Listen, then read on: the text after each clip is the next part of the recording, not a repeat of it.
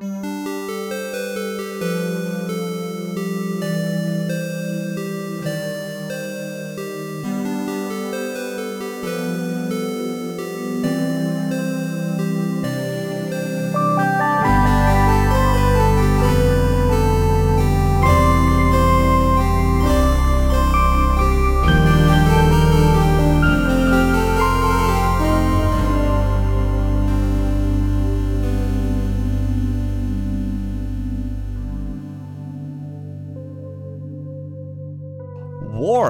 what is it good for? Absolutely nothing. Uh, får vi bare si i disse dager. Det er en rar og skummel verden vi plutselig har endra de siste ukene. Men uh, midt oppi det så kan det jo være at uh, det kan være godt å tenke på noe annet. Og det er nettopp det vi håper at du skal kunne få gjort med denne episode 83 av Crossover Gaming. Mitt navn er Ingar Takonobu Hauge. Med meg her i Oslo så har jeg Peter Gjøskjell. Hallo! Og hvis, um, bare sånn til orientering, hvis dere skulle eventuelt høre noen bakgrunnslyder, eller at det er litt mye romklang i dagens opptak, så er det fordi at vi sitter på et eh, personalrom. Men uh, uh, vi regner med at det skal gå greit. Sånn blir det av og til når familiemedlemmer har uh, litt omikron og litt sånt i hus. Så sånn er det. Men vi er faktisk ikke alene denne gangen. Vi har vært så heldige at vi har fått et eksotisk besøk. Det er ikke fra Norge, det er fra Bergen.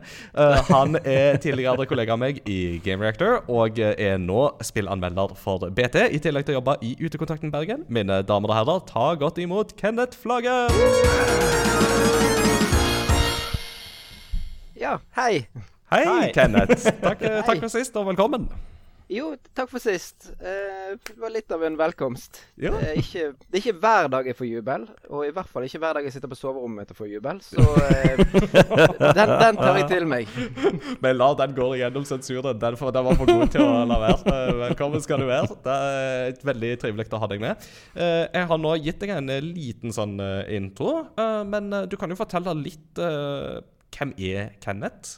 Og fortell gjerne litt om hva slags type spill du liker, for det er jo sånn som folk gjerne ønsker å vite. Ja, eh, mitt navn er da Kenneth Flage. Jeg er fra Bergen og ikke fra Norge, som du så fint eh, presenterte det. Og jeg er spillanmelder, eh, bl.a. i Bergens Tidende og tidligere Game Reactor. Jeg har også skrevet for Pressfire og Dagbladet, og hadde en lite, et lite innhopp i eh, Rjukan Arbeiderblad, av alle steder. Av alle steder. det, det ble den- dagens mest eksotiske. ja. Men det, det var et lite innhopp, og da det veldig spesifikt opp mot eh, Var det Battlefield eh, 1, der du hadde denne kampanjen fra eh, annet Rjukan? Ja, Battlefield 5 var det. Var det femmeren? Ja, ja. beklager. en, for en av det var jo første verdenskrig. Det var ikke mye som skjedde i Rjukan i første verdenskrig. Det skal jeg heller lite. Ta på min kappe. Eh, og som du sier, eh, utover det så jobber jo jeg eh, i Utekontakten i Bergen. Der vi da bruker bl.a. gaming og eh, spillkultur og disse tingene her for å nå frem til ungdommer som eh, av en eller annen grunn kanskje kan ha et behov for å prate med Utekontakten. Mm. Spennende. Vi skal høre veldig mye mer om utekontakten, for det er jo da dagens tema. Så det skal vi komme tilbake til. Eh, sånn spillmessig, liksom, hvis du vil liksom plukke liksom topp tre spill som er liksom sånn Det er Hvis du skal vite hvem gamer Kenneth er, så er det disse tre spillene som gjelder. Hva, hva vil du fleske opp med da? Ja, eh, nå elsker jeg spill med en eh, skikkelig god historie og en god atmosfære og disse tingene her. Det er jo ingen tvil om at The Last of Us-spillene, både eneren og toeren, er jo helt fantastiske der. Baby. Det er et eller annet med dette her med at de går så i dybden på karakterene og virkelig viser de fra sine menneskesider, som er bare helt fantastisk. Eh, jeg er også glad i spill med store, åpne, fantastiske vide verdener. Da er det veldig lett å gå på Horizon, siden eh, det er veldig aktuelt nå. Men Mm. jeg har lyst til å gå litt bakover i tid til eh, Fallout-serien, Ja. som da er det, Ja, det er jo helt eh, magisk, Den, den, her mørke humoren og store, åpne ørken og disse ruinene man tasser rundt i og leter etter ting. og og det selvfølgelig i de senere spillene denne beskjeden om at du er overencumbered, som Mm. eh, bare følger deg som en mare gjennom hele eventyret ditt. Ehm, og uh, selvfølgelig må jeg jo da trekke frem uh, Legend of Zeldas Breath of the Wild. Ja. Mm. Um, enda et stort åpen verdensspill, men det får bare gå, for det er mitt favorittspill gjennom tidene. Med god margin. Yeah. Det var et spill jeg fikk. Jeg skulle anmelde det og tenkte nå skal jeg sitte 20 timer denne helgen her og kose meg lite grann. Jeg endte opp med å spille 80 Wow. og på veldig kort tid. Og heldigvis hadde jeg en liten, eh, en liten forkjølelse den helgen, så jeg hadde, jeg hadde en god unnskyldning til å dumpe ungene på samboeren og snufse i sofaen mens jeg satt og koste meg med Nintendoen i hendene. Skal jeg si, skal jeg si. Uh, det, det var jo sånn at eh, Switch var jo i det vi tar opp nå, så var jo Switch fem år gammel i går. Eh, og sjøl òg, så jeg, jeg innleda jo min Switch-epoke med at eh, jeg var oppe på Elkjøp den fredagen og henta Switchen jeg hadde forhåndsreservert. Og så dro jeg hjem, og så hadde jeg ei uke ferie. Uh, og det var 63 timer med Breath of the Wilding fra fredag til søndag uh, ei uke etterpå. Så det er best, beste ferien jeg har hatt, by far. Ja, ja, og det- er jo et spill som eh, Hvordan de bygget opp denne myten om det. Jeg husker eh, like i forkant av lanseringen til Switch, så ble jo eh, ble jeg, ble jeg og en del andre journalister eh, invitert bort til Sverige for å eh, da prøvespille Switchen og prøve et par av disse spillene deres. Så der hadde de Bomberman og et par av disse andre. Mario Kart blant annet. Uh, som er litt sånn glissent folk var bortom der. Og så hadde de, hadde de to maskiner der du kunne prøve Breath of the Wild. Mhm. Og den køen, den sto opp en lang spindeltrapp, og det var sånn for Du kan tenke deg, det er ikke veldig mange journalister i Norden. Eh, de hadde klart å presse sikkert 100 av de inn i den køen bare for å prøve disse små ti minuttene man kunne med, prøve med Breath of the Wild. Eh, og som ofte sånn at spill har en så en, Rett og slett eh, Folk har så lyst til å prøve det, og det har en så stor blest bak seg, så har det en tendens å skuffe. Men eh, det gjorde jo det på ingen måte. Mm. Det var Jeg, jeg husker spillet De første fem timene var litt med, og så bare pff, åpnet det seg og blomstret og eh, Ja, det var bare helt fantastisk. Mm. Nydelig. Jeg merker meg eh, det mønsteret at når det er store, åpne verdensspill som uh, melder seg, så jeg vet ikke om det er liksom tobarnspappaen at det er sånn et symptom på at hverdagen er veldig ste innestengt og kompakt, så du må ut, i, ut, i, ut, i, ut i det fri i fantasien, da. Nå skal far på Men eventyr. eh, dette, er ikke, dette er ikke timen for psykologiske eh, vurderinger av våre gjester. Det, vi, skal, vi skal være snille med dem. Eh, Peter, eh, hvordan har de veka, eller dine to veker vært så langt? Du, de har egentlig vært ganske bra. Ha, siste to ukene. Det er jo en måned Ja. Nå måtte jeg tenke, det, men det er jo en måned siden jeg var her sist. Men eh, Nei, jeg var med for to dager siden. Ja. Husker du å se i mikrofonen når du snakker? Totalt av. Ja. Jeg har vært syk de siste vekka, så der har du forklaringa på hvorfor jeg ikke henger med i svingene for fem flate øre. Eh, men etter å ha testa meg jeg tror det er seks ganger siden mandag, så er jeg fortsatt ikke positiv. Uh, jeg klarer ikke å bestemme om det er frustrerende eller om det er greit. Uh, hadde jeg fått positivt, så hadde jeg i hvert fall hatt et svar. Mm. Men de siste 14 dagene har vært veldig bra. Eh, hatt, uh, vi hadde jo eh, vinterferie uh, før i mm. uke, og det var utrolig deilig etter ti meget intensive dager i, i Egypt. Og så Så da var det veldig mye avslapping. Første helga så var kona på arbeid, og hun bor jo der. Så da var det Peter og gaming som gjaldt hele veien. Um, og så fikk vi besøk av søster, svoger og tre onkelunger siste helgen av ferie. Eh, så da var det turister i Oslo City, da, vet du. Og jeg tror det er dårlig til å være turist i egen by, så da, jeg får jo sett ting jeg ikke har sett, jeg òg, vet du, når jeg har besøk. Så det var, og det var veldig fint. Mm. Eh, drev Venta på noen VR-briller som skulle komme, men Posten drev og sendte dem i sirkler i Oslo. Eh, så den rakk ikke jeg å få i ferien. Den kom ikke før jeg begynte på arbeid igjen. Det var kjipt, men eh, nå koser jeg meg veldig med VR. Det er skamkjekt. Og ja, starte på arbeid igjen på mandag. For spiker fra dag én. Og har følt meg sykere og sykere utover vekka, men eh, det har Åh, Paracet, det er digg, ass. Nei, men jeg, jeg har det veldig bra. Ja, Så greit. så greit. I motsetning til deg så klarte jo jeg å teste positivt jeg forrige uke. Så jeg hadde plutselig fire dager der jeg måtte være hjemme. Men eh, da var det jo et spill som heter Horizon som var kommet ut, så det var ikke sånn veldig synd på meg. Det mest synd på meg var vel egentlig at uh, på det verste så orka jeg kun å spille en halvtime om gangen. Så det var Da, da er det gale. Men, det, eh, det er faktisk trist. ja, men det var bare ene kvelden, da. Så jeg var ikke verre enn det. Og nå er det Ja. Nå får vi se. Nå skal jeg prøve meg på en treningsøkt i morgen, så får vi se hvor bra eller hvor galt det går. Uh, men uh, jeg føler meg nå fjong nok til å klare det, da. Men vi er ikke her for å snakke om eh, sykdom eller lignende. Vi skal snakke om gaming denne gangen òg, så la oss bare gå i gang.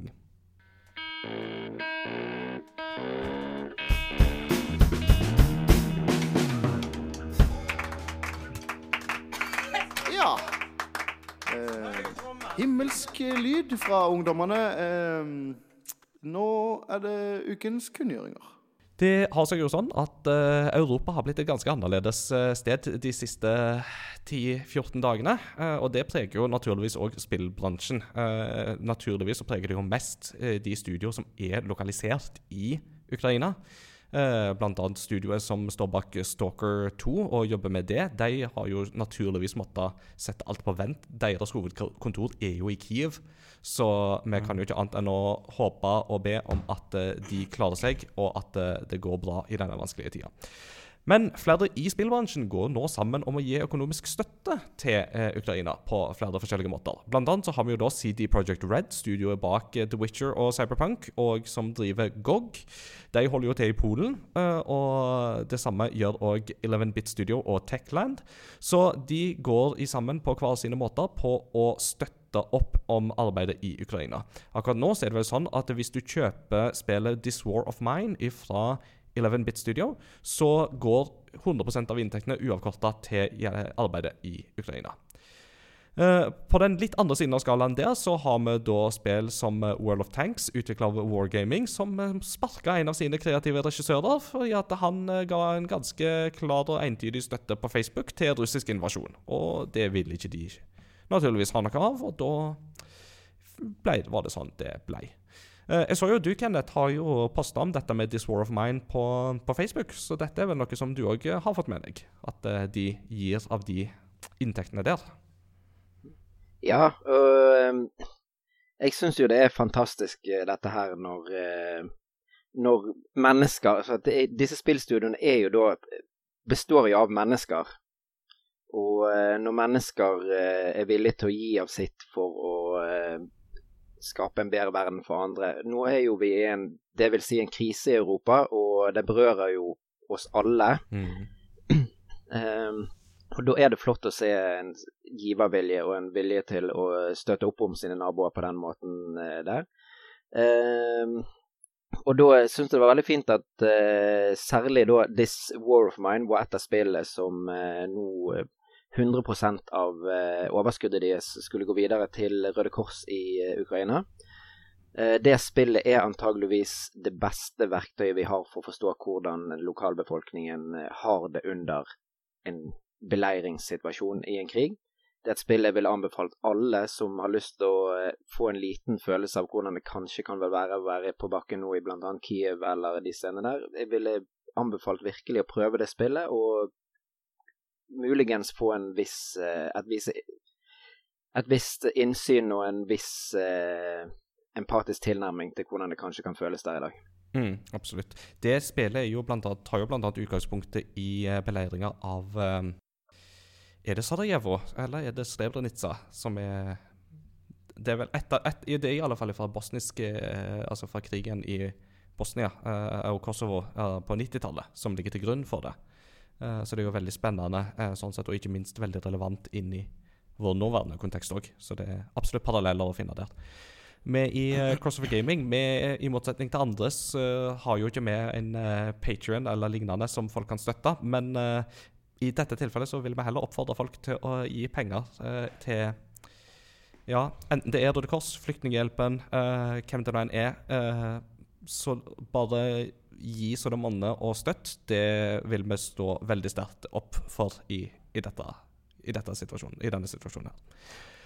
All right. Nok, eh, nok om eh, den eh, situasjonen. Jeg tenker vi må skifte litt eh, fokus òg, og snakke om litt andre ting i spillbransjen òg. helt kort til å begynne med. Nå har de faktisk vist fram PlayStation VR2-headsetet. jeg vet ikke om du har sett det bildet av det, Peter, men det ser jo veldig pent ut. Så eh, Og altså, jeg vet ikke, er du en VR VR-ens mann, Kenneth? Er det noe som har vært fristende for deg? Ja, jeg eh, hadde eh, for uh, ca. to år siden hadde jeg HTC Vive sine briller. Uh, det var jo er veldig kjekk teknologi. Uh, på den tiden var det jo ikke all verdens gøyale spill, så det, jeg endte egentlig opp med å bare bruke de til å invitere folk inn i huset mitt, sånn at de kunne spille VR-briller og gjøre masse rare bevegelser, og så ta bilde av de og legge det ut på Facebook. Jeg, jeg fant, men jeg fant jo etter hvert ut at VR-briller til 8000 det var litt vel flott til akkurat den bruken her, så jeg bestemte meg for å selge de, og så annonserte de, de jo Half-Life uh, Half Alix like etter jeg hadde solgt de, så mm. der angrer jo jeg ennå. oh. Men eh, teknologien er jo veldig bra der. Uh, Install-basen, altså hvor mange briller som er der ute som man da kan utvikle spill til, er gjerne ikke stor nok ennå til å Til at de utvikler de store, fantastiske spillopplevelsene helt ennå, men jeg tror der, eh, særlig gjennom dette her eh, Facebook eh, driver på med nå, gjennom at de Når de er på banen, så vil VR-briller plutselig få en funksjon som gjør at mange kjøper de, som igjen gjør at du får en stor install base, og vi etter hvert vil få noen fantastiske spill på disse brillene. Mm. -hmm. Ikke sant. Eh, jeg ser Peter sitte og ser på harde livet nå, men eh, ja, det er de brillene som du sitter og ser på der. Eh, mm. Så hva er førsteinntrykket? Uh, aller første tenkt var at de ligner veldig på Oculus Quest. Mm. I hvert fall den hvite som jeg ser på. Jeg vet ikke om det er andre farger på dem, men det, men det, det ser jo veldig lekkert ut. litt stødigere det du har rundt hodet, og sensorene du har i hendene, er jo utrolig lekre. Mm. Eh, det må jeg si. Um, fortsatt en ledning der. Eh, ja, men det er én ledning denne gangen, ja. i motsetning til ørten. Ja, det, og det er jo en kjempeforbedring. Uh, men når jeg er i Oculus Quest, så har du null. Og det er jo Jeg, jeg, jeg bare kjenner at det, det, være, det, føles så skummelt å skal ha en ledning som skal være kobla til et eller annet i, når du har på VR-briller, for du har ikke akkurat oversikt på omverdenen din. Uh, og hvis du da snur det rundt en gang for mye, så er den da direkte kobla i PlayStation 5-eren din? Er, liksom det som er, er det den som går i gulvet? Ja, det har vært litt kjedelig. Det, men altså, det jeg leser her, altså eye-tracking, 4K uh, altså, Ja. Det ser ut som det er utrolig høy kvalitet på det som kommer, i hvert fall. Mm. Så man eh. skjønner hvorfor de må ha den ledningen, for å si det sånn. Mm. Mm. Uh, in other news uh, Jeg er jo, som kanskje kjent, uh, veldig fan av Persona 5. jeg er jo veldig fan av både Persona 5 Royal og Persona 5 Strikers, som var dette her um, Musa slash Warriors-spillet som kom ut i fjor. og nå er da musikken til både Persona 5 Royal og Persona 5 Strikers ute på Spotify, sammen med Persona 5-musikken og sånn som allerede da er ute. Mm, Så det er et positivt bidrag. Ja, digg. Mm. Uh, Bethesda de skal legge ned sin launcher. Uh, og de spillene som ligger i, eller bootes via Bethesda Launcher, de går over til Steam. Min første kommentar til det var Hæ, har Bethesda en egen launcher? ja. Så det er vel kanskje like greit, tenker jeg, at uh, hvorfor alle skal sitte på hver sin haug og ha sin egen launcher. Det, ja, hvor mange det, har du installert uh, hos deg, Kenneth? Vet du det? Uh, jeg har mistet tellingen. Uh, ak men akkurat Betesta sin launcher, det er vel få av spillene deres jeg faktisk har uh, launchet gjennom den, med unntak av De hadde vel et eller annet kortspill basert på Elderscrolls. Mm som eh, jeg måtte anmelde en gang i tiden. Eh, det var jo en, føltes jo som en blek Heartstone-kopi, eller eh, krysningen mellom Heartstone og Magic the Gathering, et eller annet sånn greie der. Og så eh, anmeldte jeg det og ga det en middelmådig karakter, og siden har jeg ikke brukt den launcher. Nei. Så da, tenk, da, tenker jeg at det er kanskje like greit at de integrerer det med Steam. Det, ja. Microsoft òg er vel inne og skjærer ned på noen kostnader og sånt her og der og sier at dette her, det trenger vi ikke. Så mm. det er like greit. Eh, Street Fighter 6 er blitt annonsert. Vi har ikke sett så mye mer enn en ekstremt vid Ryu, uh, som nå har fått på seg sandaler. Uh, big news. Han har jo alltid gått barføtt, men mm. nå har han faktisk fått på seg sandaler. Men ikke sokker, takk og lov. Det hadde jo vært litt for gale. Eh, og vi vet ikke så mye mer enn at de skal komme med mer informasjon til sommeren. Og at spillet mest sannsynligvis lages i RE Engine, altså samme motoren som Resident Evil-spillene. Og nyeste Monster, Hunter har blitt uh, laga i. En veldig fleksibel uh, grafikkmotor, akkurat det. Og det blir jo kjempespennende. Eh, jeg må si, jeg har ikke spilt så mye Street Fighter 5 sjøl, men uh, jeg må si jeg er litt sånn eh, Jeg er litt gira. Det er alltid litt gøy med nytt Street Fighter. Så jeg spilte mye Street Fighter 4 i sin tid, på PlayStation 3. og det, var, det var artig. Nice. Mm. Og så, eh, det er jo ikke lenge siden vi har fått et nytt Pokémon-spill. Eh, og det er jo ikke så lenge siden vi hadde en ny generasjon med Pokémon heller. Men eh, i slutten av 2022 så får vi jammen meg generasjon 9 av Pokémon. For Pokémon Scarlet og Pokémon Violet er blitt annonsert. Kommer ut slutten av 2022, og denne gangen så er det den iberiske halvøya, altså Spania, Portugal og omegn, som ligger til bunn for inspirasjon. Og ut ifra det lille vi har sett, så ser det ut som at de tar med seg noe av disse her open world-elementene fra Pokémon Legends, så det blir jo veldig spennende å se hvordan det blir. De har annonsert uh, starter-pokémonene. Uh, jeg husker bare at uh, graskatten heter Scarletito, eller et eller annet sånt. Og så har de en sånn rød ildkrokodille med en veldig stor fortann. Og så har de en måke med sveis som ser ut som Donald. Stemmer. Uh, og da er jo spørsmålet, Kenneth, uh, hvor begynner man i uh, Pokémon-landskapet? Er det gras, ild, eller er det vann? Alltid ild. Helt siden Charmander jeg har alltid ild vært riktig valg. Ja. Det Jeg har hatt store krangler med både barna mine og venner og alt på det der. Det, jeg har faktisk en nabo som i første Pokémon valgte Bulbasaur, og hun vet veldig godt nå hvorfor hun tok feil. Eh, så det er alltid ild, og så kan man ha en playthrough nummer to. Der går man for vann. Skjønner, skjønner. Så da blir det denne her uh, Da blir det denne her ildkrokodillen på, Mm. på deg, da. Ja. Yes. Uh, har du Eller du, vi skal jo ikke tease del to for mye her, men har du fått testa Pokémon Legends noe?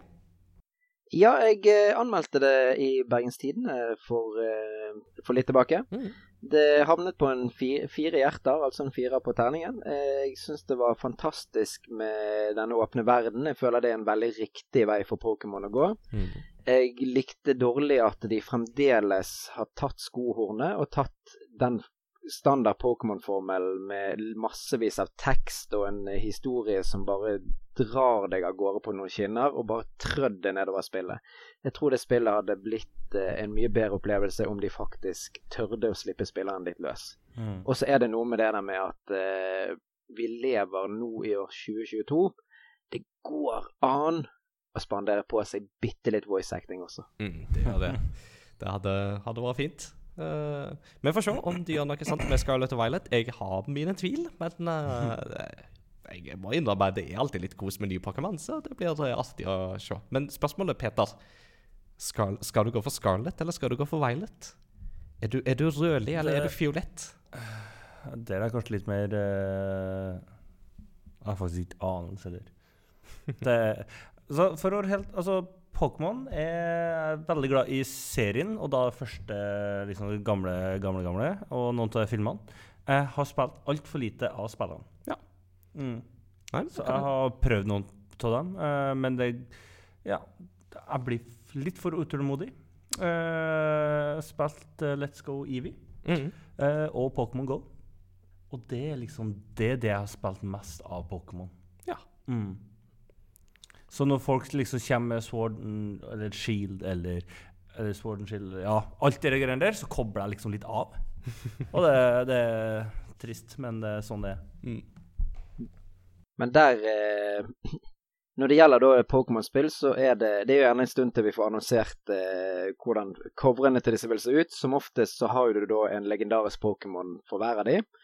Så det, viktig, det viktigste å gå når man skal velge mellom Pokémon-spillversjoner, er å velge den legendariske Pokémon som ser kulest ut. Ja, ikke sant. Det er det, det, det, det er jo sånn det funker. Nei. Altså, det var én setning som forklarte så mye.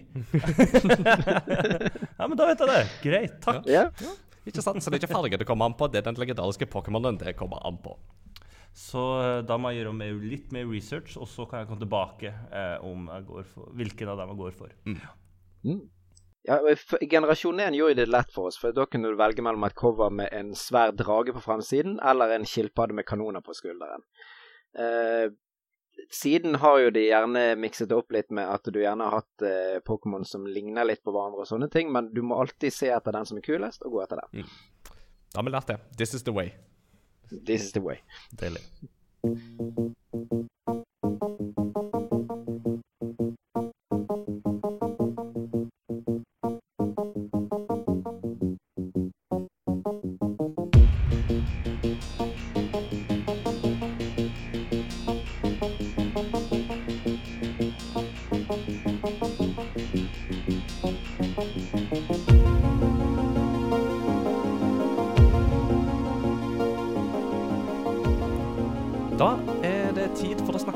Dagens tema, og da er det Utekontakten Bergen som eh, står på dagens tema.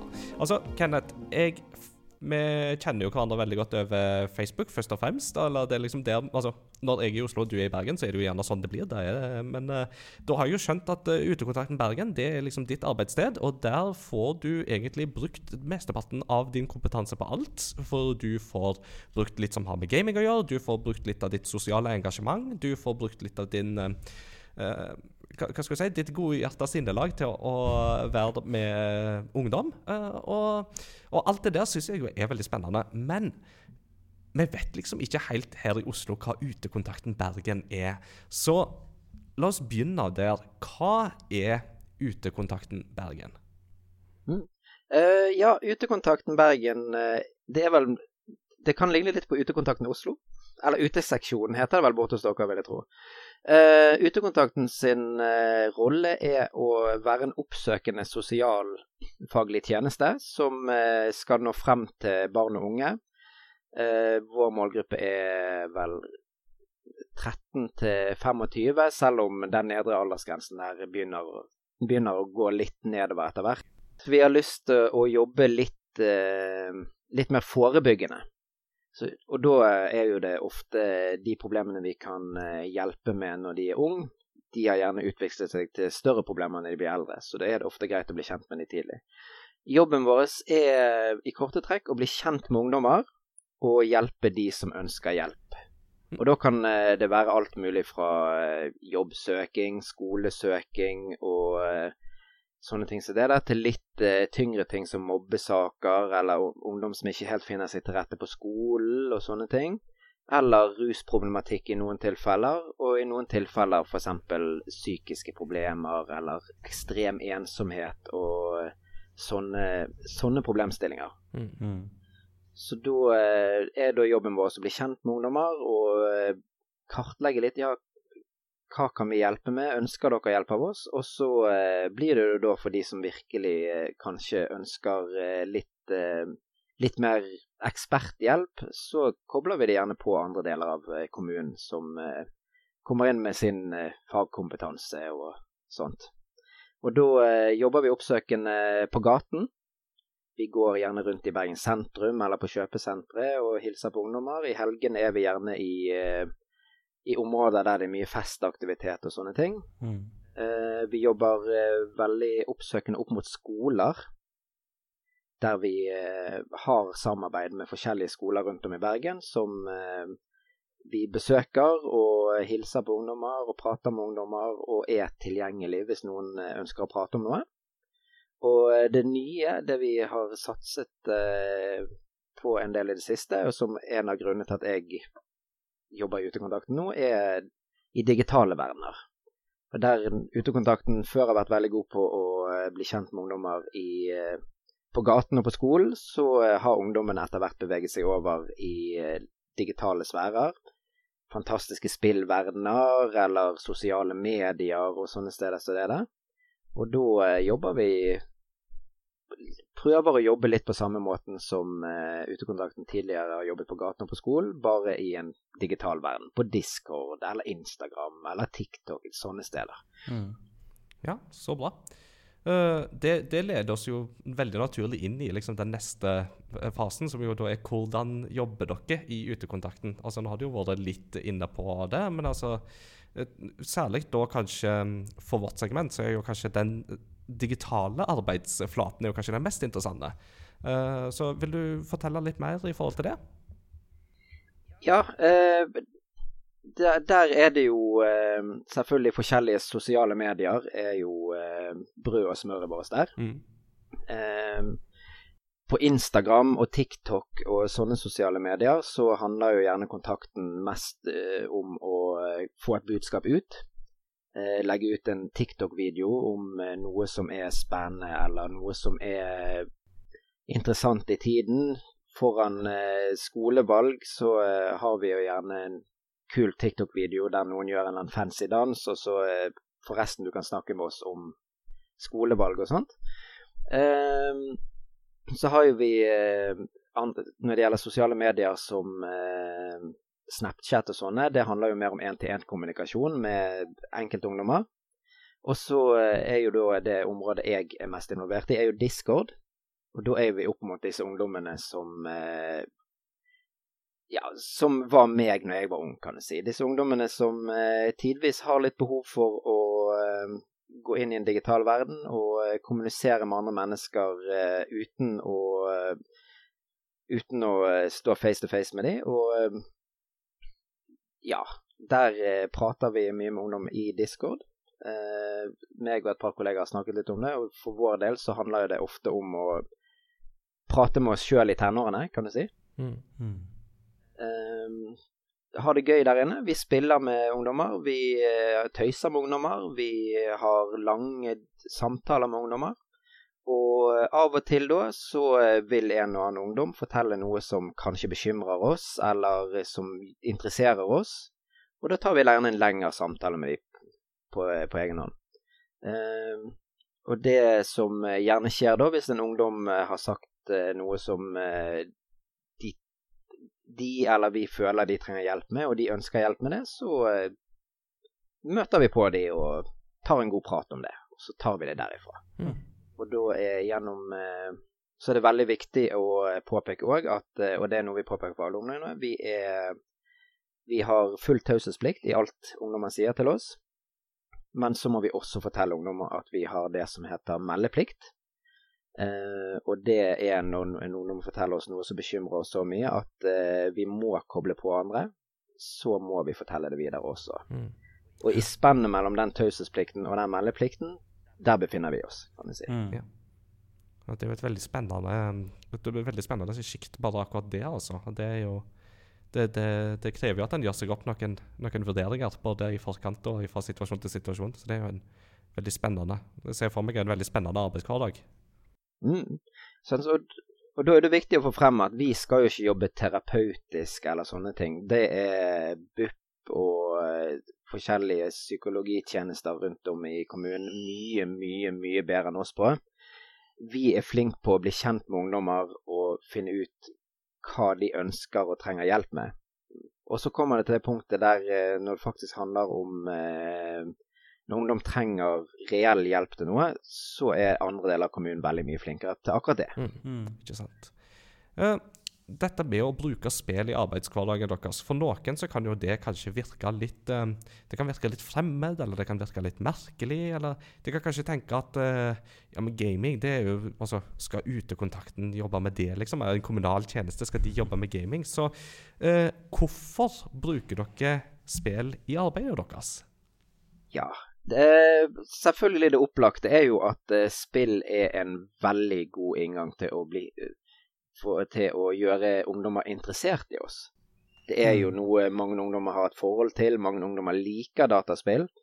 Hvis vi tar med oss en PlayStation 5 på en uh, skole, så flokker ungdommene seg rundt den og skal ta selfier med den og spille Fifa med oss og uh, sånne ting som det der. Så det, det, er jo en veldig god måte å uh, få oppmerksomhet på. Mm.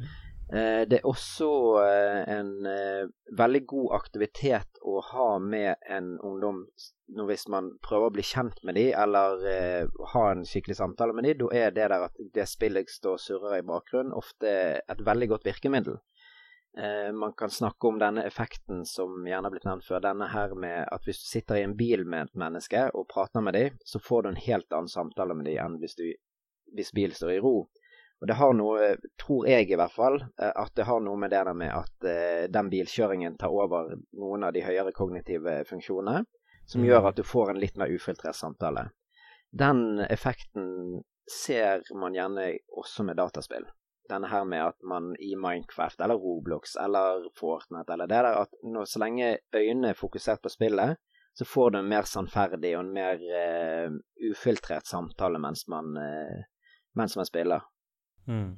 Og så eh, er det jo det der Det er jo ikke noen tvil om at for ungdommer der digitale verdener er veldig viktig, de elsker når voksne kommer inn og faktisk forstår hva de driver på med, og prøver å sette seg inn i det de eh, driver på med. Det er mange som eh, Du får en instant troverdighet med en gang med det der med at å, dette her frem til nå er det bare klassekameratene mine som har brydd seg, eller bare kompisene som har brydd seg. Så her kommer det en voksen og faktisk snakker litt mitt språk, og interesserer seg for den samme tingen som jeg eh, interesserer meg for. Mm. Det er ofte en veldig god inngang for å bli, eh, bli kjent med et annet menneske, for å si det sånn. Mm. Og det at de voksne faktisk forstår det, istedenfor at det bare blir sånn Steve Buscemi-meme med 'What's up, my fellow kids?' og står liksom på skateboard over, over skuldra, liksom. Men at det er faktisk et et øyensynlig engasjement og en forståelse for hva, hva det handler om. da. Mm. Og det, det, er jo nettopp det, for det er ofte, ofte når eh, en bedrift eller en kommune skal eh, ta i bruk gaming, så blir det litt sånn du sier Steve Biskemi, litt sånn at de kjøper utstyret, de plugger det i veggen, og de har ikke peiling på hva de skal bruke det til. Her har, i utekontakten i hvert fall, så har vi gått litt mer eh, systematisk til verks. Litt Vi har hentet inn kunnskap der vi kunne hente inn kunnskap. De ansatte jo meg, som da er ofte veldig lurt hvis du har lyst på kloke ting med gaming å gjøre. I all din ydmykhet. Don't, ja. to self, ansett Kenneth. Ja, ja, ja. Det, will work for games. Will work for games. Uh, nei, og um, gjerne det er andre Selvfølgelig jeg har kollegaer der som de, de brenner for spillmedier, de brenner for eh, digital kultur, og da fungerer det. At eh, Så har gjerne andre fritidsklubber eller idrettsklubber eller eh, kommuner ofte Ikke ofte, men av og til kanskje kjøpt inn gamingutstyr og tenkt det at If you buy it, they will come. Og så blir det noe halvhjertet ut av det. Uh, så jeg håper ikke noen føler seg truffet av det. Selvfølgelig det er mange som gjør mye bra òg, det er ikke det. Men eh, vi har i hvert fall gått ganske systematisk og kunnskapsbasert eh, til verks for å eh, Den tiden og de ressursene som investeres i dette, at det skal gi mest mulig bra ting til ungdom i Bergen, rett og slett.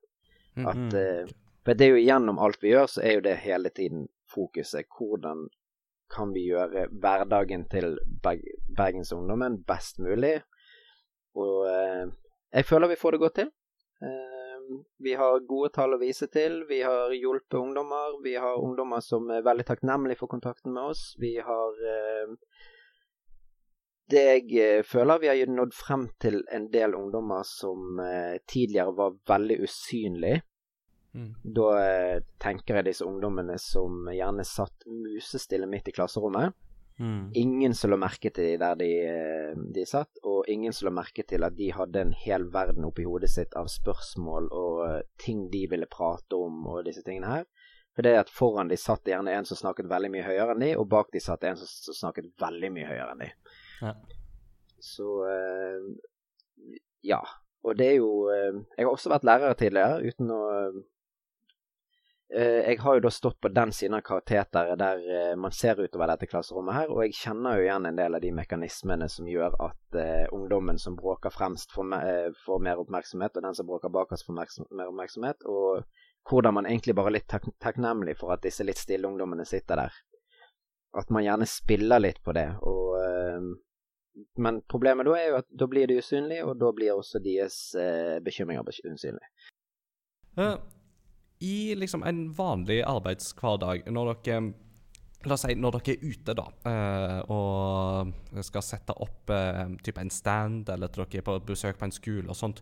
Hvordan bruker dere spill i arbeidet da? Altså, Hva utstyr har dere, hva utstyr bruker dere, hva spill bruker dere? Uh, er, det, er, det, bare Fortnite og Fifa det går i, eller får, får de se at det er en større spillverden der ute òg, eller hvordan, hvordan går dere fram? Ja, da er du inne i en, en annen del av, det, av spillarbeidet vårt. Eh, alt det jeg snakket om frem til nå, jo, foregår jo utelukkende digitalt. Utelukkende på Discord, med anonymitet og alt det som eh, gamerungdom liker veldig godt.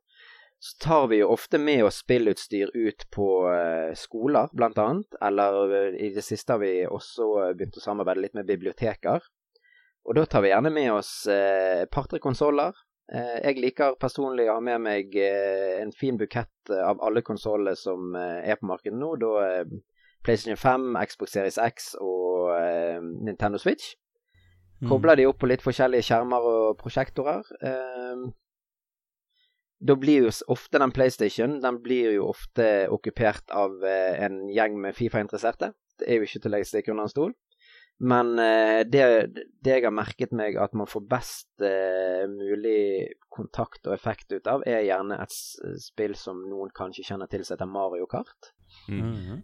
Det er det ultimate spillet å få opp på en storskjerm og bare dele ut noen kontrollere, og så vil hvem som helst sitte seg ned og kose seg. Og da mener jeg hvem som helst mm. sitter seg ned og koser seg da selv eh, Du får gjerne På en skole så får du gjerne en situasjon der eh, du har eh, han som aldri spiller, og han som alltid spiller, sitter og kjører mot hverandre, sammen med at læreren sitter ved siden av og er skikkelig irritert på at de knuser han i spillet.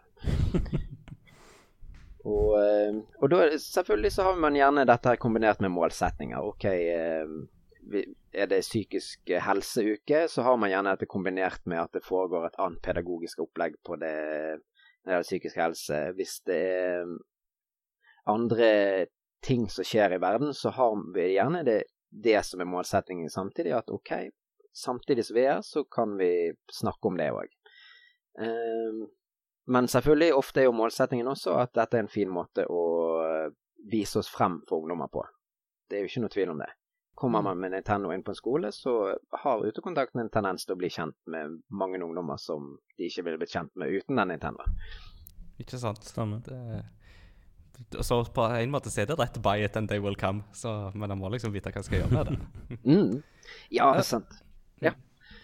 Uh, altså, I dette arbeidet her så tenker jeg jo at dere møter jo forskjellige grupper med ungdommer, og dere er jo gjerne i, altså de er i forskjellige aldersgrupper, og de er i forskjellige sammensetninger og uh, den slags. Um, er det da noen sånne konkrete ting og hensyn som dere tar i betraktning når dere skal bruke spill i arbeid? Tenker dere f.eks. på dette med hva aldersgrense spillene har, f.eks. hva plattform de er på?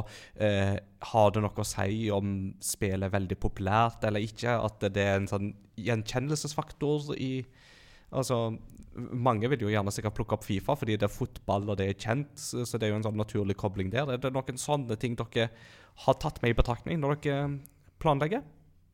Uh, ja. Uh, det jeg kan si, er at uh, den ungdomsgruppen som har kommet inn da bl.a. i discorden vår og blitt kjent med oss gjennom dette her, har vært veldig mye mer mangfoldig enn enn vi trodde i begynnelsen det var en liten del av meg som var redd for at vi kom til å lage et prosjekt her der det omtrent bare kom gutter alderen 17.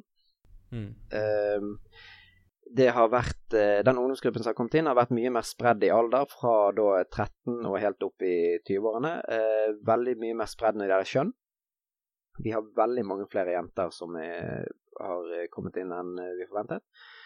Og ehm, en del, en del transpersoner, en del ikke-binære en del eh, Egentlig alle slags mennesker i alle sine vakre forskjellige farger og eh, fasonger og alt er med på dette. Det mm. betyr jo også at vi må finne en del spill som eh, treffer bredt, kan du si. Eh, Fifa når du en veldig spesifikk type ungdommer. Det mm. fungerer sånn ålreit hvis du skal treffe den spesifikke gruppen ungdommer. Um, og problemet med Fifa også er det at det er litt føles litt meningsløst å spille mer enn to stykker av gangen. Da liker jeg bedre spill der du kan spille mange sammen. Mm. Eh, Minecraft er jo selvfølgelig en av spillene som har blitt spilt mye. Eh, fordi det fungerer veldig godt å både prate og spille samtidig. Roblox eh, Fortnite prøv, har vi prøvd å spille en del, men det er veldig mye mindre populært enn eh, i, blant våre ungdommer enn vi trodde det kom til å være. Hm. Eh, så handler det litt om det der å prøve og feile, og gjerne gå inn med en målsetting om at nå skal vi treffe den spesifikke typen ungdommer. Da, nå er Apex Legends veldig populært for gutter 16 til 18. Ja, da prøver vi å spille det en gang, og så fungerer det. Og så Mm. kommer vi gjerne en annen gang inn med OK, nå, eh, nå er Halo Infinite eh, det nye store spillet for gutter 18 pluss, og så spiller vi det, og spiller med to, gutter, to gutter 18 pluss, og that's it. Så det blir veldig mye prøving og feiling. Eh, vurderingen eh, vi gjør, er vel egentlig bare å prøve å treffe litt i trendene, treffe litt på hva som eh, er populært i de aldersgruppene og eh, segmentene av befolkningen vi prøver å nå frem til, rett og slett. Hmm. Spennende.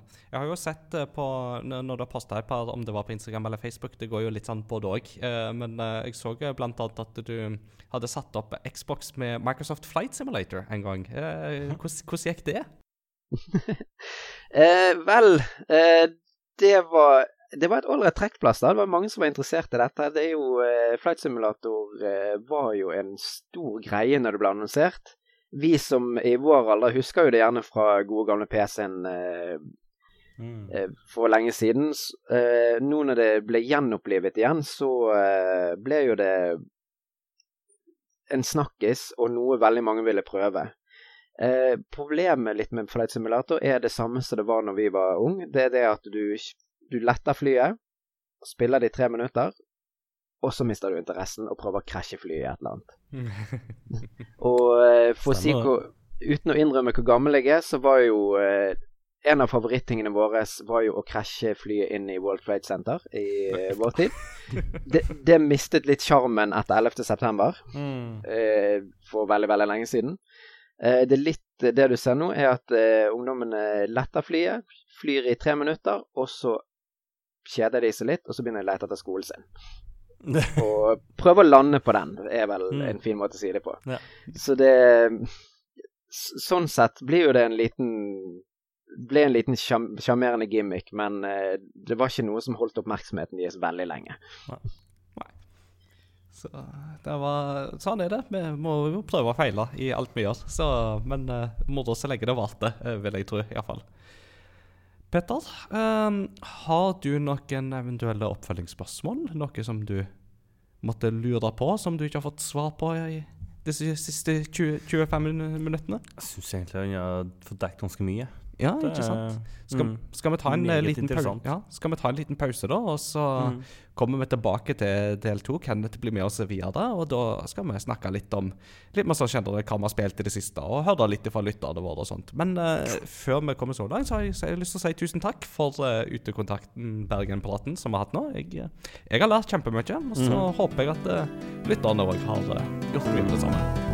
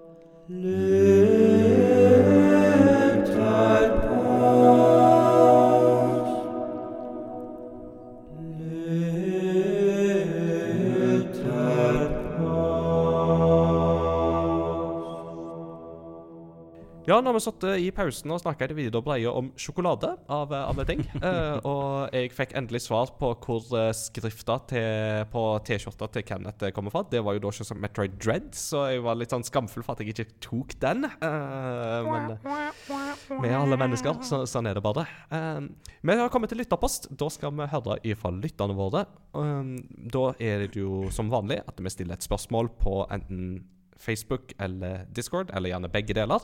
Og så svarer lytterne på det spørsmålet, og så leser vi opp noen av disse svarene. Denne gangen så har vi stilt lytterne spørsmålet Hva spill ville du gitt til en person som aldri har rørt et dataspill før, for å vise dem alt som er bra og moro med dataspill? Det var et langt spørsmål, men eh, jeg Viktig tror spørsmål. Ja, men det er et viktig spørsmål. Viktig. Absolutt. absolutt Mm. et viktig spørsmål. Um, og igjen, vet du, lytterne våre de er eh, habile og flinke og oppegående, engasjerte folk. Så de har um, svart oss stort sett på Discord denne gangen. Uh, og til de som hører på, og som kunne tenke seg å svare på lytterposter i framtida, du finner lenker til våre sosiale medier på crossovergaming.no. Så der er det bare å stikke innom. Skal vi se. Jeg kan begynne med Frank the Tank. Han hadde et eh, kort og godt svar, og det korte og, godt, korte og gode svaret det er Mario Kart, Portal og diverse coop legospill er min anbefaling. Ja, det syns jeg var litt gøy. Altså, Mhm. Legospillene de får jo ikke alltid liksom så mye oppmerksomhet på en måte, men de jo egentlig veldig godt tilrettelagt for det med samarbeid, og at eh, da en erfaren spiller kan spille sammen med en mindre erfaren spiller, og så er det masse humor og sånt, og kjent univers ofte. Så det, Mm. det funker bra. Lego Star Wars er jo fantastisk. Mm. Du blir jo bare glad når du holder på med. Så Altså, det er Lego og det er Star Wars. Det er, Mm. det er jo alt du trenger her i denne verden. sant, Kenneth? Det eneste som mangler, det er Batman. ja, slengt på eh, Arkham-serien til Batman der, så hadde hadde du hatt eh, hele buketten. Ja. Oh, ikke sant, ikke sant. Kanskje ikke som første spill å prøve, men absolutt spillverdig. Det må en si. Litt for spesielt interesserte, men for de spesielt interesserte så eh, har, du, har du mye gøy der. Eller? Mye godt i vente.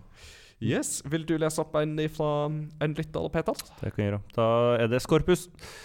Altså, Mario-spill er aldri feil. De er gøy å spille og ikke for krevende. Eller så langt at det går Eller så langt Eller så langt det går an i disse dager couch co-op. Eh, Unravel 2, diverse partyspill og beat them up med couch co-op-funksjon som Turtle in Time. Skulle gjerne anbefalt It Takes Two, men det har jeg dessverre ikke spilt. Men det kan jo anbefales. Mm, ikke sant? Det er jo et gullende godt tips. Mm.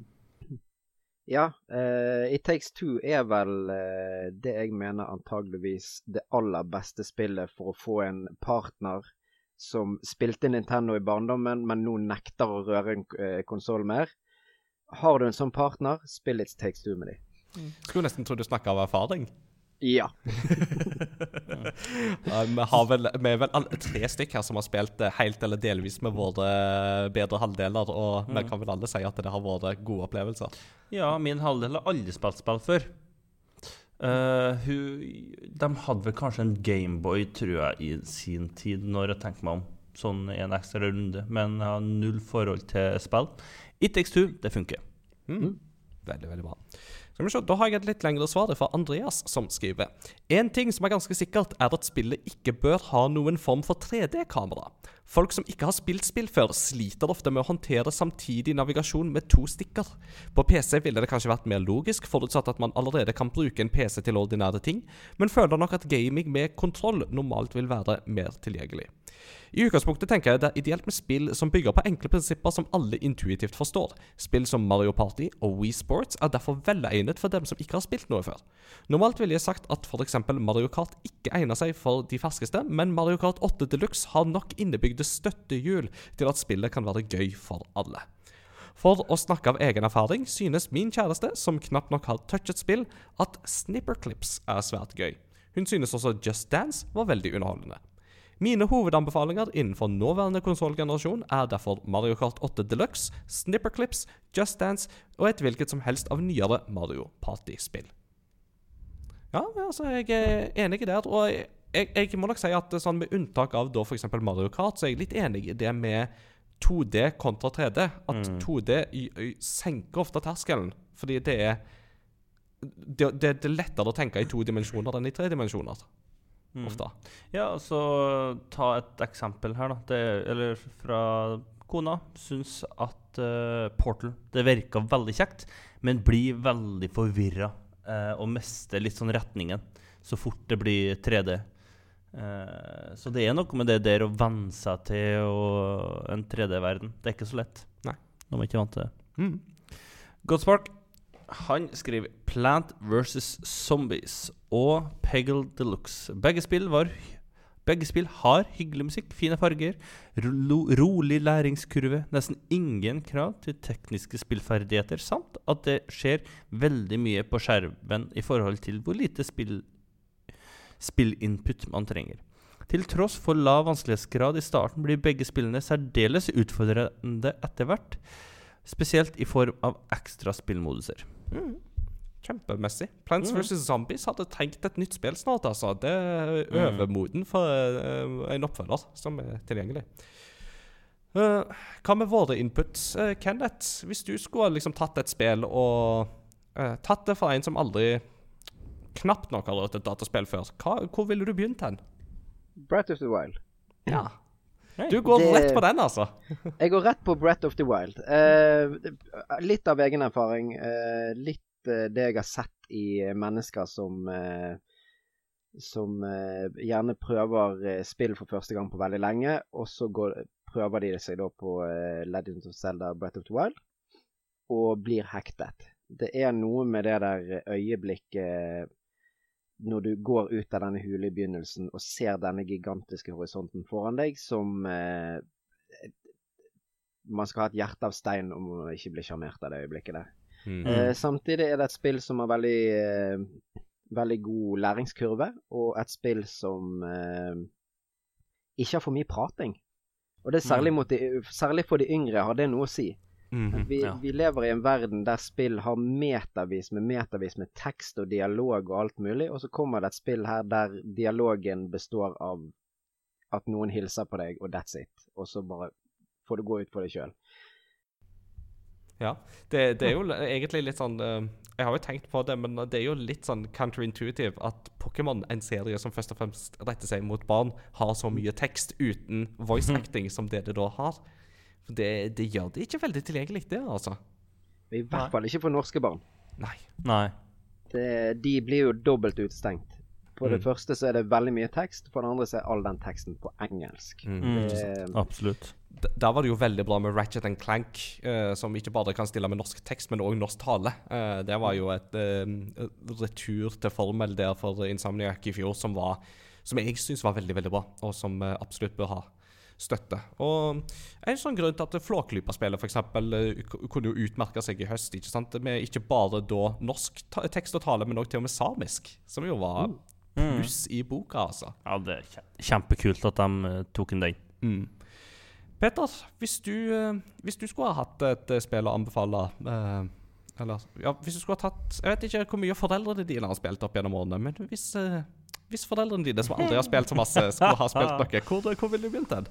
Ehm, altså eh, Jeg har vokst opp med foreldre som syns Eller spesielt far, da, som eh, gaming er lite samfunnsnyttig, så det trenger ikke han holde på med. Uh, men Uh, Ja, akkurat helt enig i det blikket der. Uh, men Jeg fikk òg høre at man ikke kan arbeide med gaming, men uh, ja, nå flirer jeg høyest der. Så det er jo fint. Men ja. It Takes Two syns jeg er et fenomenalt godt spill å uh, få testa ut. Uh, det er ikke veldig krevende. Du får enkelt forklart hva du skal gjøre, og det er artig. Altså, det er god humor hele veien. Uh, og Josef Fares Bucci er jo bare fenomenalt god. Altså, hver gang han kommer inn, så blir jeg i godt humør.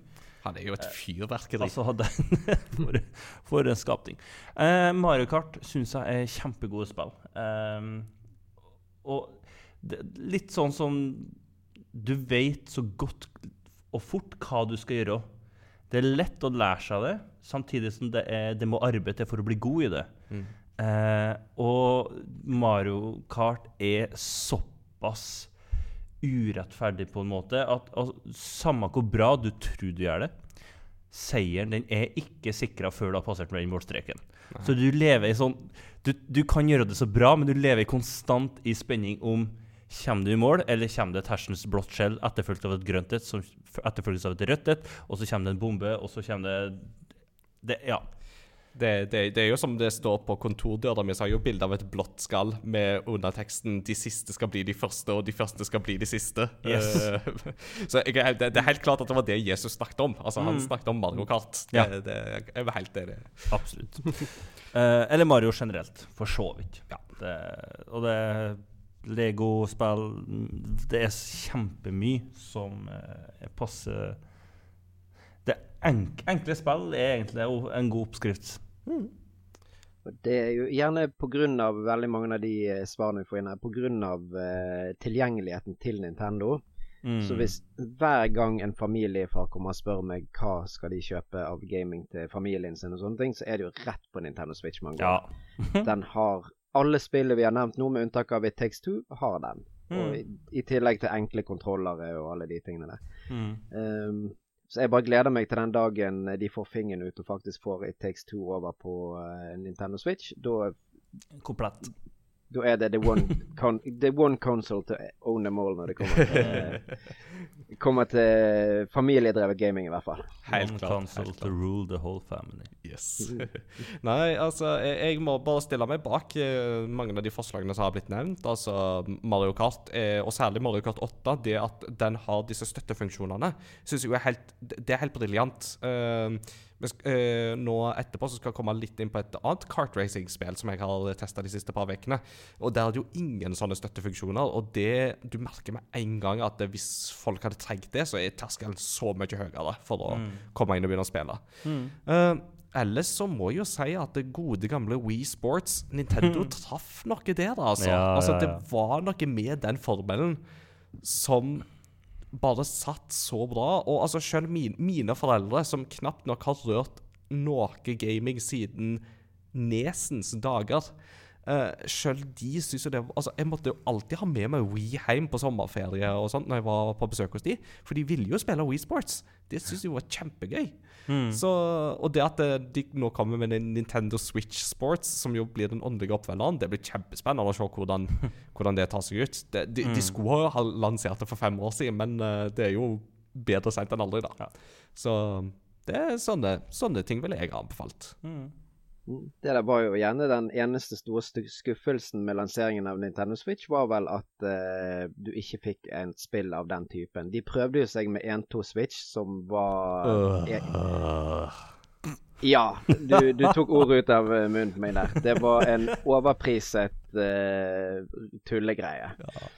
En overprisa tech-demo til 599 kroner. Det var sånn Dette her, det skulle ha fulgt med på Switch. Ja. Når lyd Ja. sender mer enn ord. When all else fails, go Homer.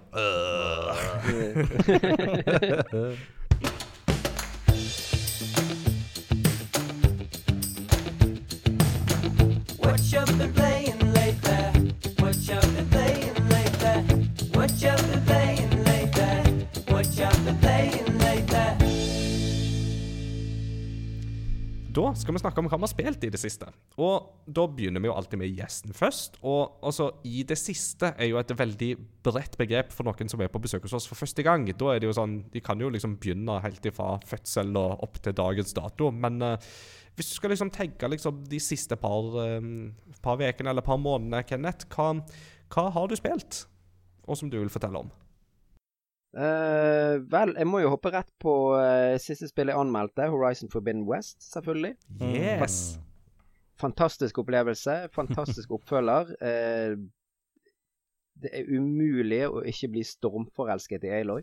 Det er en av de, en av de beste spillfigurene, mener jeg, som fins. Eh, Hun er så menneskelig og så elskverdig og alt det der. Hun er litt mindre elskverdig i oppfølgeren, men fremdeles et dugende flott menneske. Mm. Uh, og det fine med den oppfølgeren er jo det at de løser uh, hovedproblemet med eneren, der uh, alle de andre figurene utenom Aloy var ganske ræva, for å si det på godt bergensk. Mm. Eh, nå har du bifigurer som faktisk er mulig å spille sammen med uten å bli irritert på dem, for å si det mildt. Så det har jo jeg selvfølgelig spilt mye, fordi at jeg skulle anmelde det, men også eh, fordi at jeg, eh, jeg likte spillet. Det er ofte jeg anmelder spill som jeg ligger fra meg når jeg er ferdig med anmeldelsen. Eh, Forbidden West, den tok jeg med meg videre. Mm. Ikke sant.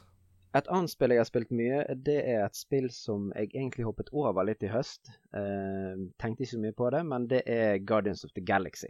Å, yes! Åh, jeg gleder Jeg har ikke spilt den, ja. Jeg gleder meg!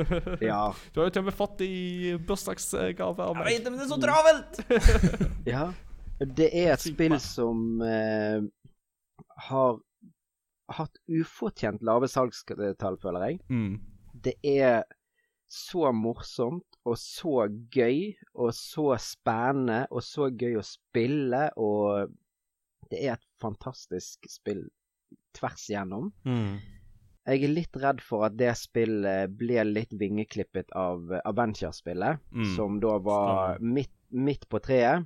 Jeg tror det var mange som eh, kanskje spilte det og så hvor dårlig det ble tatt imot, og så tenkte de ja, nå kommer det en ny sånn kalkunlabbene. Mm. Men uh, Guardians of the Galaxy, det er Det er som å spille en Guardians of the Galaxy-film, bare det at jeg syns han, han er enda morsommere, Mm. uh, mener jeg. Det, det er et par dialoger der mellom Rocket Raccoon og uh, disse andre som bare er helt magisk. Mm. Og ikke, ikke minst får du se mange av figurene fra en mye mer sårbar side av og til òg. En mye mer Mm. sånn klumpen i halsen-øyeblikk der som uh, kler figurene noe så helt ja, vanvittig bra. Mm. Så det, det er absolutt et spill å anbefale. Ja. Jeg hadde jeg, jeg ler fortsatt når jeg bare tenker på at du er midt i en kamp, og, og Gamora roper 'Enemy 12 o'clock', og Drax svarer 'The current time is irrelevant'. Ja. Det er så, Drax i dette spillet eier. Altså Ja. det, det er det stemmeskuespillet der altså Det er så gøy at de har klart å hyre inn stemmeskuespillere som ikke er sånn veldig kjente, og likevel gjør en så god jobb. Du savner aldri verken Chris Pratt eller Zoe Saldana eller um, Dave Batista eller Altså, de sitter som et skudd, altså.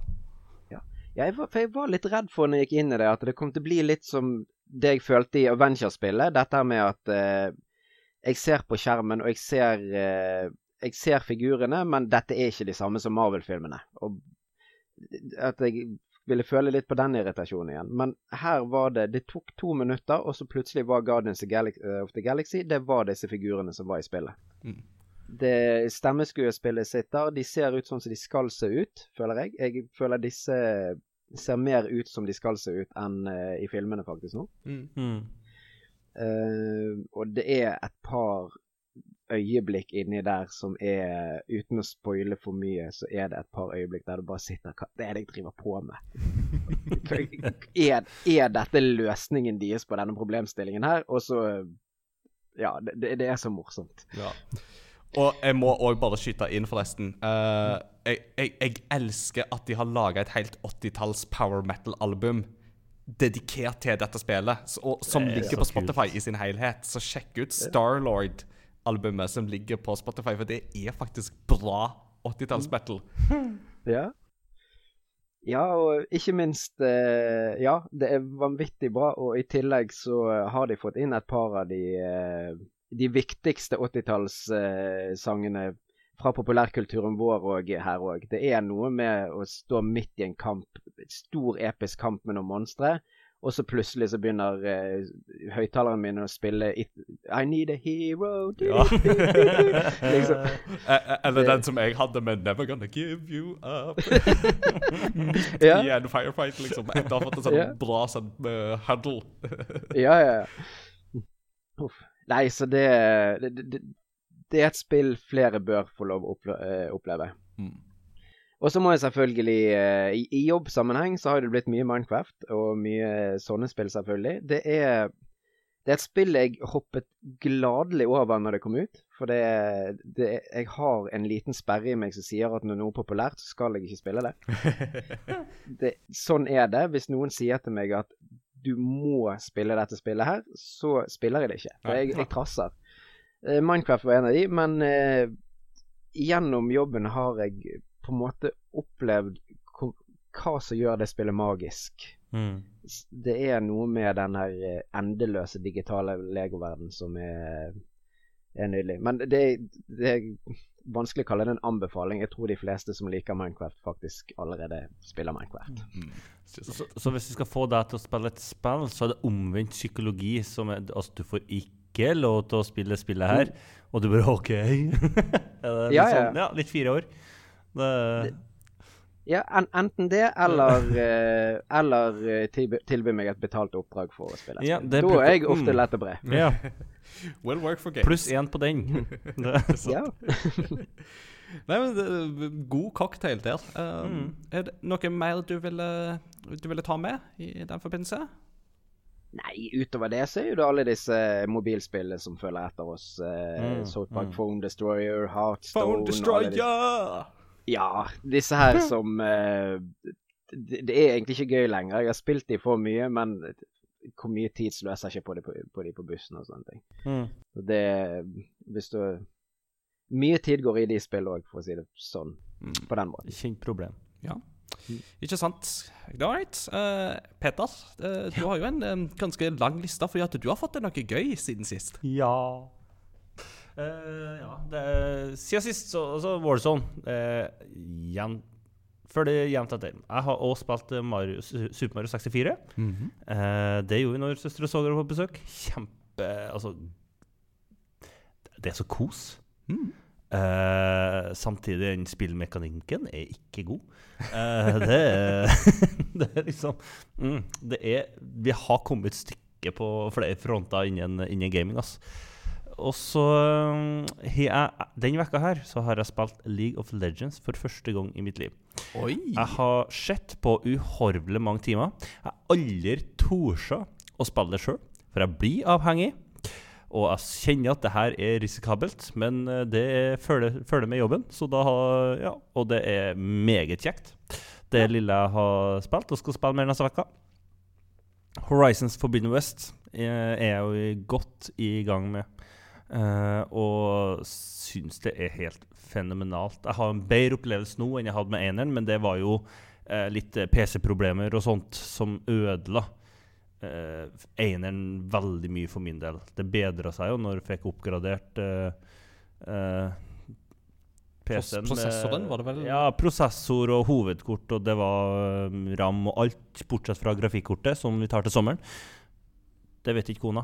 Eh, som skal oppgraderes da. Men ja, så det, det ble bra til slutt. Men eh, jeg syns det er et fantastisk Det er så nydelig spill. Er den, altså Apropos når du kommer ut av hula i eh, Breath of the Wild, det har et par likens øyeblikk i Forbidden West òg, hvor du kommer ut på en høyde, og så ser du den landskapet og gir meg gjerne solnedgangen i tillegg. Åh, altså det Bring me that horizon. Ja, det er så fint. Et par bugs som har plaga meg litt. Det å ri i motbakke syns jeg er Da klikker hesten min litt til tider og vil ikke gå lenger. uh, og litt sånn der. Bortsett fra det, kjempedeilig spill. Mm. Det er det. Og veldig mange kule karakterer Ja. i toeren. Det er det. Og så eh, har jo fått eh, Jeg har fått meg VR-briller. Jeg verva folk og fikk eh, Oculus Quest 2 gratis. Eh, så det var jo veldig deilig. Og da, så da Beat Saber måtte jo på. Mhm. Eh, det er så kult! Mhm. Åh, så det Storkoser meg med det. Jeg prøvd berg-og-dal-banesimulator. Det er en skikkelig dum idé. Det, eh, jeg har ikke vært så nært å kaste opp på måneder På sikkert et par år, men da Da fløy headsetet av. Fytti katt, det, det, det er helt krise. Eh, så hold dere unna det. Eh, og så har jeg spilt et spill som heter Demeo. Som er Det har jeg spilt. Med Scooper og Scooper. Benjo, Benjo. som eh, er to kamerater. Uh, Søskenbarn til deg og litt sånn. Veldig, veldig kjekt spill. Eh, alle som har spilt DND og syns DND er kjekt, vil like det der. Det er litt sånn dungeon crawler-eventyr. du har eh, Dere du styrer hver din eh, helt.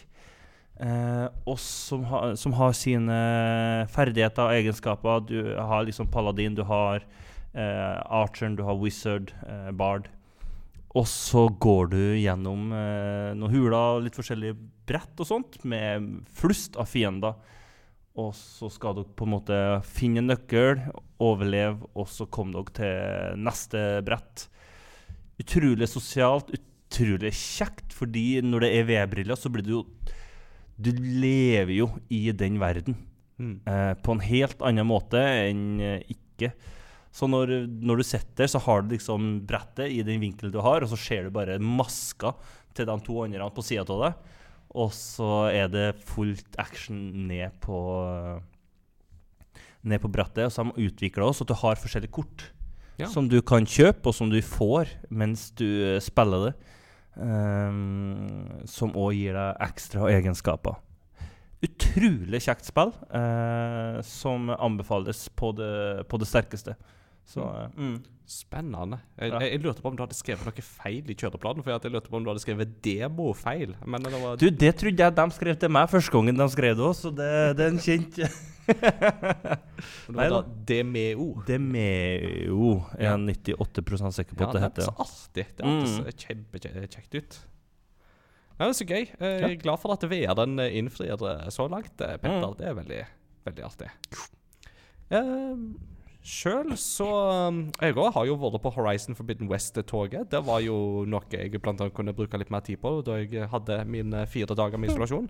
Og jeg må bare stille meg bak alt som er sagt så langt. Det er liksom Altså, jeg elsker jo Horizon Zero Dawn, og eh, særlig på en måte Lauren i spillet. Altså verdensbygginga, historien og bakgrunnshistorien. Eh, særlig liksom, altså Som science fiction-historie syns jeg jo at dette er jo uovertruffent nesten i spillmediet. Altså denne historien om hva som skjedde. Det, det sånn, det, det, du, du går så kaldt nedover ryggen på deg når du får liksom de gradvise oppdagelsene i, i det første spillet. Og, og jeg syns at dette fortsetter å levere på, på alle områdene. Uh, detaljnivået er jo en helt annen verden. Det er helt absurd hvor bra og detaljert dette spillet er. Altså Alt ifra hvor bra animert Aloy er, til Altså Bare en sånn liten ting som at jeg skjøt av en sånn tank av en eh, maskin. eh, så den delen da datt av, og så begynte den å rulle i gresset. Og da var gresset Altså, da kunne jeg følge gresset etterpå, etter kampen. For da så du liksom at gras Altså, stråene var delt der som den hadde trilla. Og det sjøl liksom etter at kampen var ferdig for lenge siden, og jeg hadde skifta kameraet vekk, og sånn, så var den animasjonen fortsatt sånn at her har den rulla, akkurat sånn som du ville på en måte sett det i in real life. Og det er så Det er så crisp! Det er så smooth! Åh, det, det er til å bli glad av, rett og slett. Mm. Og som, som Kenneth eh, var inne på her òg, altså Aloy som figur er jo helt fantastisk. Og Ashley Birch sitt stemmeskuespill er jo formidabelt på det området der. Mm. Det at dette er samme figur som Tiny Tina, det er, det er nesten ikke til å tro, altså. Men uh, there, there you have it. Det er absurd. Rett og slett. Av andre ting så jeg har spilt ferdig Sifu. Dette kampsportspillet på PlayStation og på PC. Jeg spilte det på PC, for der var det 200 kroner billigere enn på PlayStation. Og jeg må si det var veldig veldig artig. Det er krevende som fy, og det er veldig vanskelig. Men uh, det er en sånn Det har en veldig tilfredsstillende sånn gameplay-loop som gir deg sånn der Åh, men hvis jeg bare prøver igjen, da, så får jeg det til. Hvis jeg litt til, så får jeg det til. Og hvis jeg tar den banen igjen, da, så får jeg den litt bedre til. Så det blir veldig, veldig bra. Og Sifu er med tidlig i året, så det er jo godt mulig at dette spillet havner ned etter hvert. Men foreløpig er det ganske høyt på eh, Game of the Year-lista for 2022, da. Så artig produksjon og veldig mye sånn callbacks til gamle sånn Hongkong kung fu-filmer og den skolen der, som er veldig, veldig artig. Som jeg setter pris på. I tillegg så har vi spilt Super Metroid i retrospillauget. Nå er vi ferdig med det. Det er fortsatt et formidabelt bra spill. Det er, ser så bra ut og låter så bra. Og selv etter å ha spilt Metroid Dread, så er det vanskelig å si hva som er best av Super Metroid og Metroid Dread. Altså, De er ganske tett oppi begge to, men det sier jo litt om hvor bra Metroid Dread òg faktisk var. Og så har jeg spilt noe som heter Pocky and Rocky. Som da ikke har noe med Pocky sjokolade å gjøre, men det er et gammelt Super Nintendo-spill. eh, der du spiller som eh, Det er basically en slags sånn shoot em up, en, en shmup. Der du spiller som eh, tempeljenta Pocky og vaskebjørnen Rocky, som må slåss imot sånne japanske troll og demoder. Og skyte på de og den slags. Det får en uh, ny versjon nå i april, så jeg hadde lyst til å liksom spille originalen litt. Grann, og det, det er faktisk litt artig, jeg må si det. Det å spille en sånn shoot them up som ikke er liksom en sånn ute i verdensrommet, eller at du er bare en sånn Rambo-lignende type som går rundt og skyter. Det er veldig artig. Det er en veldig unik og kul setting. Mye humor, mye sjarm. Jeg må si at jeg liker det veldig godt. Og så helt til slutt så har jeg anmeldt og spilt Chocobo GP, eh, som jeg har da anmeldt for Game Reactor, som da er Chocobo, altså Final Fantasy sitt svar på Mario Kart. Og spørsmålet er klarer det å levere, eh, leve på det Mario Kart leverer, og der er svaret nei. Det, det gjør det rett og slett ikke. Da var det litt det vi var inne på i stad, dette med tilgjengelighet. Det, det føles veldig vanskelig for nykommere å sette seg ned med det. Kona ble bare frustrert eh, og kunne ikke like det da vi spilte split screen. Det kun split screen for to, så det er jo litt merkelig. Eh, produksjonen føles veldig billig. Uh, omgivelsene, banene, føles udetaljerte og veldig sånn plastisk, uh, plastiske. Og istedenfor å ha mange baner, så har de mange varianter av samme bane. Uh, altså at de har Litt sånn Litt sånn som i Super Smash Bros, med at du kan velge om du vil ha liksom standardoppsett eller Battlefield-oppsett eller Omega-oppsett. Så har du litt sånn tilsvarende her. Men det føles veldig billig når de gjør det på den måten. Og så legger spillet veldig opp til at dette er sånn som skal leve lenge. De skal ha season pass, de skal ha mikrotransaksjoner og hele pakka, og det syns jeg ikke er veien å gå for et sånt type spill. Det, selv når det syns jeg egentlig det er litt bekymringsverdig.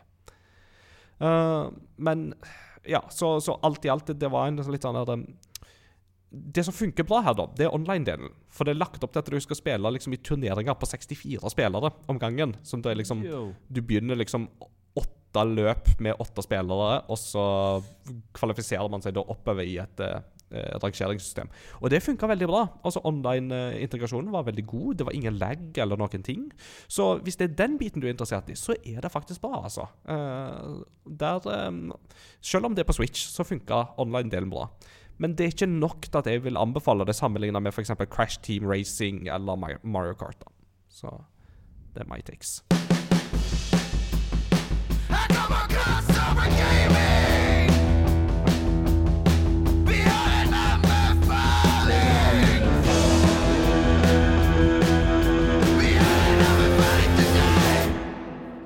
Da begynner vi å nærme oss slutten på episode, men før det så skal vi ha eh, noen klassiske spalter. Og først så skal vi ha anbefaling. Og når vi har besøk, så er det alltid kjekt å høre hva gjesten har å anbefale. Så Kenneth, hva har du lyst til å slenge ut? Det kan være alt ifra Lego til Batman til Lego-Batman til pølse i brød. Det, det, the sky's the limit. Det er godt. da har jeg veldig lyst å hoppe eh, selvfølgelig rett på uh, på det jeg fikk til jul i år, da. Eller i fjor. Ja. Mm, oh, oh, det, det vidt. ja. ja, nei, eh, Lego uh, Batmobil-fumbleren, den, uh, den er jo absolutt å anbefale. Jeg er sikker på mange av leserne deres nå ble instant misunnelig. Mm. Eh, men uh, hvis vi skal trekke det inn i spillverden, så nevnte jo jeg eh, tre spill innledningsvis, mener jeg. Eller gjorde jeg det? Ja. Uansett, vi har snakket mye om Uh, Mye om eh, bl.a. Brat of the Wild, men uh, jeg har jo da lyst å trekke frem en god gammel Slager. Slager, og da er det The Last of Us 2. Ja. Mm. Ja.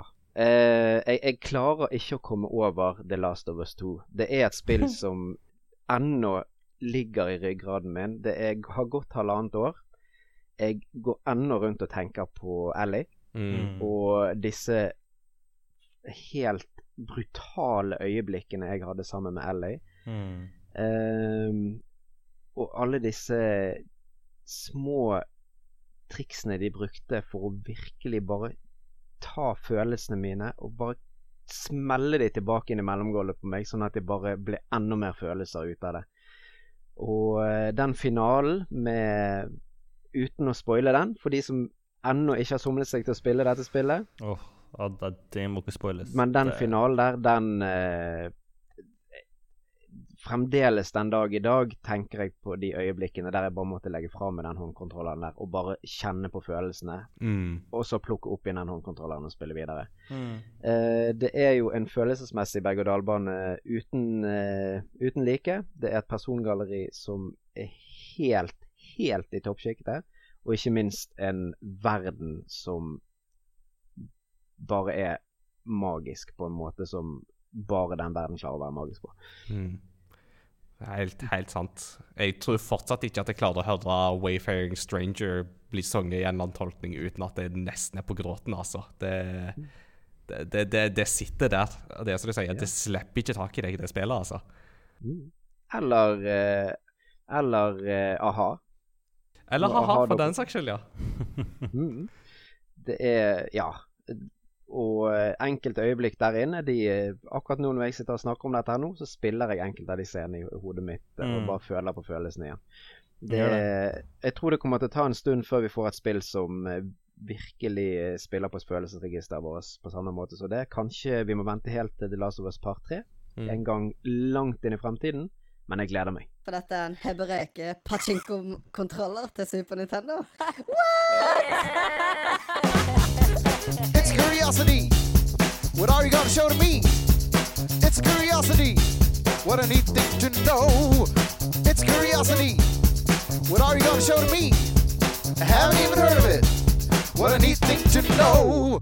It's a great part of the show, sier jinglen. Men uh, stemmer det, Peter? Uh, har du en great part of the show å by på oss eh, denne gangen? Du nevnte nemlig det at du hadde en litt sånn artig kuriositet som uh, du, gleder deg litt til å dele. Ja, eller jeg syns det er litt det, det var en ting jeg kom på i dag. Drev og snakka med elevene. Så var det liksom bare å stemme Det hadde jeg det hadde jeg lest en plass, og jeg syns det er ganske sykt. Eh, jeg husker ikke helt på hvordan vi kom inn på det. Eh, men endte opp med å Det var et eller annet en elev sa, og så sa begynte jeg å snakke om det Kom jeg inn på det med at uh, altså Grand Canyon er det jo så Nei, Grand Canyon sier jeg Death Valley. Der er det jo så varmt at uh, hvis du på det varmeste Hvis du klekker et egg, så vil det egget etter hvert bli ferdig for å spises. Skal vi si. Eh, det steikes der. Men det er òg en plass i Europa hvor det og nå er mulig, nemlig i London. Eller kanskje de har endra på det nå, men det var i hvert fall et veldig stort problem noen år tilbake. Eh, der var det et, eh, en skyskraper som eh, ble bygd. Og skyskrapere har jo veldig mange store vinduer. Eh, det bygget var litt stygt òg. Det ble kalt walkietalkien, for det var det det ligna på. Eh, og vinduene hadde en sånn bue at eh, hvis du parkerte bilen din i gata nedenfor, så smelta lakken på den bilen. Eh, og det var, det var Altså, nå jeg Nå skyter jeg litt fra hofta, men om jeg husker helt feil, når jeg så dere greiene på YouTube, så var det snakk om eh, at det ble både 50, 60 og 70 grader nedi den gryta rett nedfor det bygget. For det hadde en sånn vinkel, så du fikk liksom flere deler av sola på ett spesielt fokus av gata. Så det var det jo en eh, uheldig person da, som hadde eh, kommet eh, tilbake til sin bil. En, eh, typisk nok så var det en Jaguar i tillegg. eh, hvor da speilet og deler av ene sida av bilen var smelta.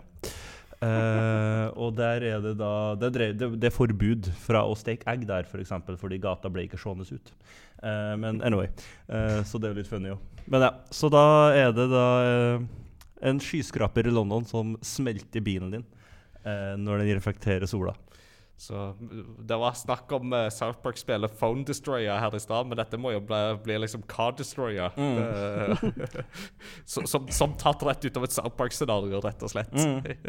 Så det, nei, det syns jeg er Når jeg kom på det, så bare stemmer. Det er jo veldig fascinerende. Ni. Artig kuriositet. Mm, takk. All right. Vi kommer da til veis ende i episoden.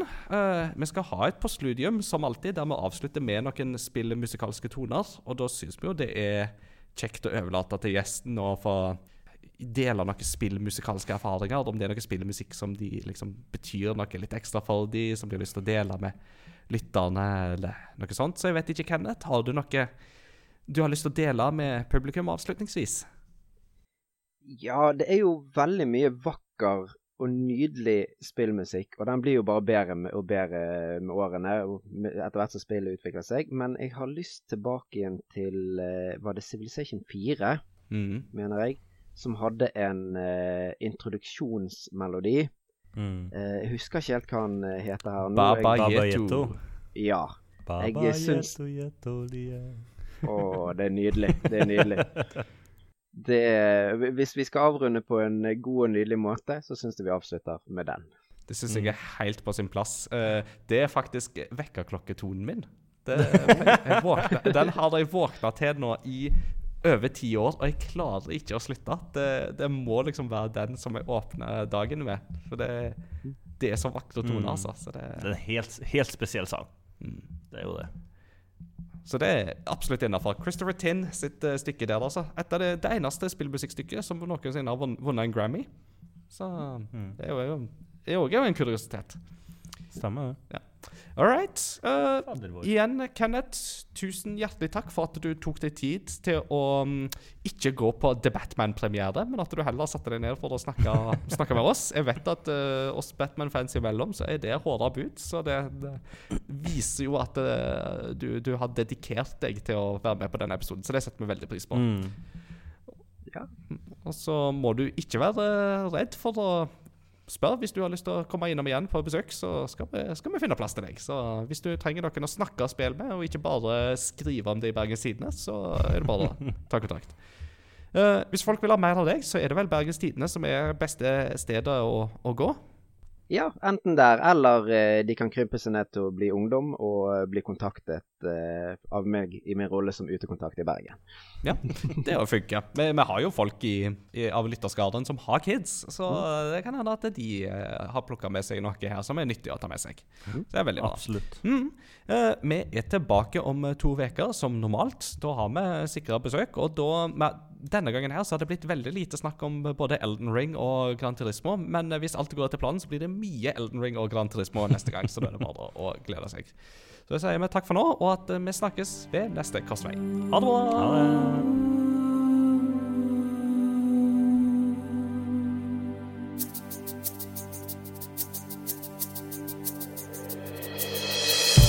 Yetu yetu liye mbinguni yetu yetu amina Baba yetu yetu liye kunjina lako elitukuzwe Baba yetu yetu liye